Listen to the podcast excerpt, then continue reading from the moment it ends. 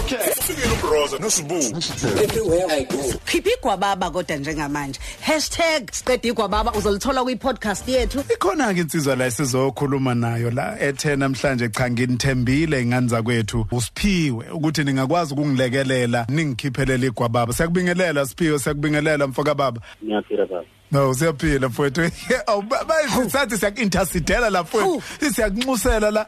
Kanti ngoba kufanele kuvele ujoyine nawe uthi uthi nami ngiyavuma impela nami ngisho njalo. Uthi Impela nami ngithi shakara ngiyaganwa manje. shakara mashaka ye hayi ngiyaphila Hayi, siyaphila mfowethu. Ey, unegwababa kwawena ke Uyabona? manje, no no no. uyabona ukuthi inhlalisuthi ngempela. Yebo. Eh uyaphila kodwa inhlalisuthi hayi ngikhona ngikhona. Ngathi ngathi usaqhaqhazela nje uyavevezela nje mfowethu. Hayi no hayi akunjani Lungile ke sitshele mfethu eh sitshele njengoba usitshelile. Abalaleli bethu balindele la mfethu U- u- ungasenzeli ke phansi. Abalaleli bethu bazi ukuthi asikakaze sizingele siqede singayitholi. Basibiza ngozulu azayithola.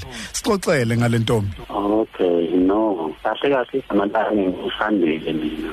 Ngokwazi sandile phiwe ndlovu yeah uyazi angiyakuzwa gatsheni eh ngibuya ekhaya kithi usehluhluwe hluhluwe emtuba into eyodwa mhm.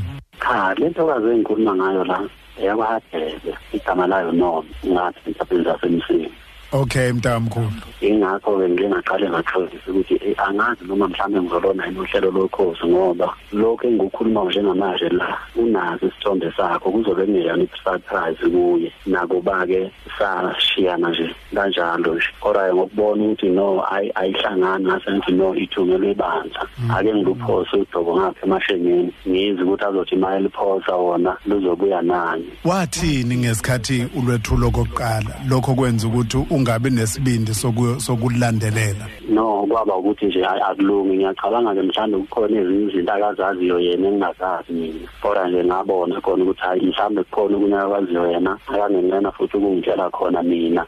Engingakwazi mina U- angifuni-ke kodwa ukujula kakhulu kulokho ngoba indlela engicabanga ngayo angisho ukuthi kunjalo. Okay kuz- kuzomela kuqala eh, ke- ke si- ke- ke silipena pene Yeah. ngesixhosa bathi ke silihlenga hlengise ke silibone ukuthi igwababa indlela ngoba phela lo muntu waya kuyo lentombi singakwazi ukulwenza? Eh mntakamkhulu.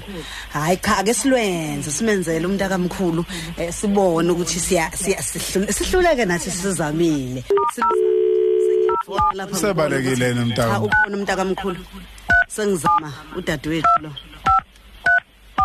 Press star to copy and hash to confirm this welcome tone at 3 Rand per month. Hello, private number. hayi ke lunjani sisi Ngiyaphila. ngiyaphila sike sathi siyakhuluma sanqamukelana phela ngalesa sikhathi nama network we ngiyabheda nami la ngikhona oh uright Eh. uright kodwa Ngi-right. eh ukhuluma nomcebo angiyedwa ke kodwa. Nomcebo, eh nomcebo. ngi- eh, emsinga kwambono. Esigodini sakwambono. Ngisethempelini elapha na kwambono kodwa ke nje sihlangene nje sina sinabanye sikhona la. Nginothemba la inhlalisuthi Eh. angazi noma uzomkhumbula yini uthemba inhlalisuthi eh esinaye. Kodwa ke noma ungeke ngoba ungeke usasikhumbula phela ngoba phela sibaningi oh ngaze ngathatha inamba yakho sithatha iselfie nawe awusakhumbuli. Kodwa ke kulungile akunandaba ke cabanga ngoba phela kade silokhu sithi siyakuzama singakutholi siyazama singakutholi. Siyabuka wona indaba ze network ke sesithi hayi no asikufonele okungcono ngoba siyafisa ukuthi kubone ukuthi eh mhlambe njengoba kuzoba nomdedele nje wesabathu uzoba khona yini. Eh. uzoba khona kumdedele? Yeah. Hawu, ngempela. Hey, hayi kwangcono ke cabanga ke uThemba eh njoba nginaye lana sihleli nje siyakufonela futhi aku- akumina ngedwa ke khona noSiphiwe. Uyambo uSiphiwe? Hey, angibazi bonke laba kwawena ngikwazi yazi. Ngempela ngeke vele usangikhumbula ngithi sibaningi nje. Hayi bo usakudlala Naye kakuhle uSiphiwe naye- ngikwazi. naye uSiphiwe inhlalisuthi. Awumazi uSiphiwe wasehluhluwe?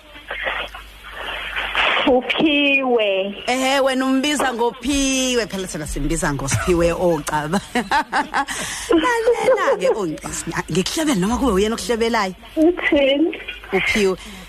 ophiwe ngcono Eh. Phi- phiwe okay uthi ngifake ku speaker phone khona uzokwazi ukukhuluma kodwa sobe sinyamalale ke thina ke ephiwe awukhulume ke phiwe ungani makhulukhulu kunjani ngiyaphila Mm, hayi ke ngoba ngingakhuluma ukuthi cha idaba lakho angizukulusiya nje Angiyo okwenzeka ngithi njengoba ngangike ngakhuluma ngakutshela ukuthi udaba lwami nawe angizukulushiya lungiyona ngoba okwenzekayo akwenziwa yimina kodwa ngiphushwa inhliziyo. Isitep sokugcina-ke lesi engifuna ukuthi ubone ngempela ukuthi engiyenzayo serious kangakanani ngakho nginodadewethu-ke la enginaye owakhona ngapho ngakini nomfowethu enginaye owakhona khona ngapho ngakini engithe ake ngithi ngile banda-ke namhlanje-ke silixoxe lolu daba nabo Mhm.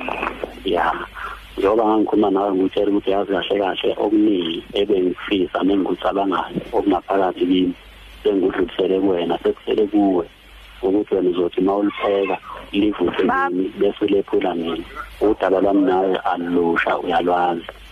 Ngizaqhubeka khona lapha akukho futhi okusha. Yilokho nje okwaziyo Oh, ngicela nibuye ningifone Oh, hayi-ke Man- angazi-ke omkhaya bakho noma bazovuma yini uma uthi angiphinde ngibuye kubo ngingezwa kubo ukuthi bathini bona? Ungacela yini we- we- we- ngizwile ngathi ubaba uyakubiza lapha e- ekhaya wenomsa. Ungacela nje i- iminithana nje lilodwa kubaba eh bese usho ukuthi hayi uyeza nje kuyena manje manje. Ngawucela lo mzuzu. Yeah. Hayi khuluma. Oh singakhuluma. Cha sisingiyazi ukuthi mina nawe siku25 o singamakhosazana. Kodwa nje ngempela ngempela sesikhuluma iqiniso uyabona usiphiwe. Kade siyikhuluma nje le ndaba noThemba uthi uyathanda ukuthi eh, akufake lapha ku14 Mm. Ehe akufake ku14 ingakho nje bese ngibuza ukuthi kumdedela uya uyeza yini ngoba phela nami ngibhizi ngiyalungisa lana eh nezinye intombi eh, amanye amakhosazana njoba wazi ukuthi nawe sisuke sidlela amatabunga sidlela uloti. Uyabona njena eh uyafisa ngempela ukufaka ku blue uyafisa impela ukuthi eh, akufake ku14 akafisa ukudlala. Nje. aha angazi ke uthini wena dadewethu lapha? Hayi. Ngiyalizwa. kungcono kungcono ngimlande u- inhlalisuthi u- uThemba akhulume ngoba uyena oy- oyoba umkhongi nokuba umkhongi bese emqokile nokuthi uyafisa ukuthi azomkhongela kungcono nawe Themba ukhulume Eh, uyaphila nomsa Ngiyaphila. nayi siyaphila nathi Ng- ngilokhu ngikulalele njena udadewethu ekhuluma nawe ngizwa uthi uyamuzwa Yeah. mangabe uthi uyamuzwa okusho ukuthi usho ukuthi usucabange ngokwanele ngalokhu uphiwe akwethula kwena? Hayi ngisadinga ukucabanga futhi. Manje ngaphinda ngiphele imithuba lokuthi ngicabangisise kahle. khona into ayishilo uphiwe kuwena wathi lesi sinyathelo esekuyisinyathelo acabanga ukuthi esingaphezulu ukukhombisa ukuthi unothando olungakanani lwakho. Uyakuthatha futhi nalokho uyakuthatha nalokho sengisho ukuthi u- u- u- ukuzwile ngesikhathi wethula kuwena lawo mazwi nokuwuphawu lokuthi unothando olungakanani lwakho Yebo ngizwile. yini yini lengaka ocabanga ukuthi i- i- edinga isikhathi esiningi kangaka ukuyicabanga lento khona okungabazayo ngophiwe Cha. U- u- angaba umyeni angaba umyeni wakho uphiwe Mhlawumbe ngazi kodwa ngisadinga ukucabanga. Usukulungele kodwa ukuthi uma ngabe ngempela bekungafika lapho inhliziyo yakhe evuma khona kodwa usukulungele ukuthi usungalifulathela ikhaya lakini uyonyathela emagcekeni akwandlovu ogatsheni oboya benyathi kungaze kungena amaqili ukhona Hayi. Angazi kumele ngifonele nangiba beseqhamuka. vele ubaba uyayidinga lezi inkomo ngazi kahle ukuthi nje beqhamuka nje ubaba kufanele simnikezile ukudla kwakhe engakadluli emhlabeni vuma dadewethu. Ungawushaya umendo ngeke. Kunjalo kona kodwa ke sekuyisikhathi esinye manje ngise ngibhizi. La bengithi ngiphi ithubanyana kodwa kodwa dadewethu uphiwe. asimdedele asimdedele eh, wena dadewethu unomsa. Kodwa nomsa sicela ushiye nelokuthi Ah. U- uphiwe aka- akahamba ilungisa inhliziyo yakhe nakuba usayocabanga kodwa akakuthathe lokhu ngokuthi sekuyisiphetho salolu daba nakuba khona usayocabanga Mm. uyamshiya nalelo siphiwe elithi nje thokolothemba amathunza ayewukela Mm. uyamshiya nalo dadewethu Ngizosho njalo kwamanje. njengamanje uthi uphiwa akangaqalaza intombi enye akabuke wena kuzokuba wena unika igama Eh. Nilapha enzansi baba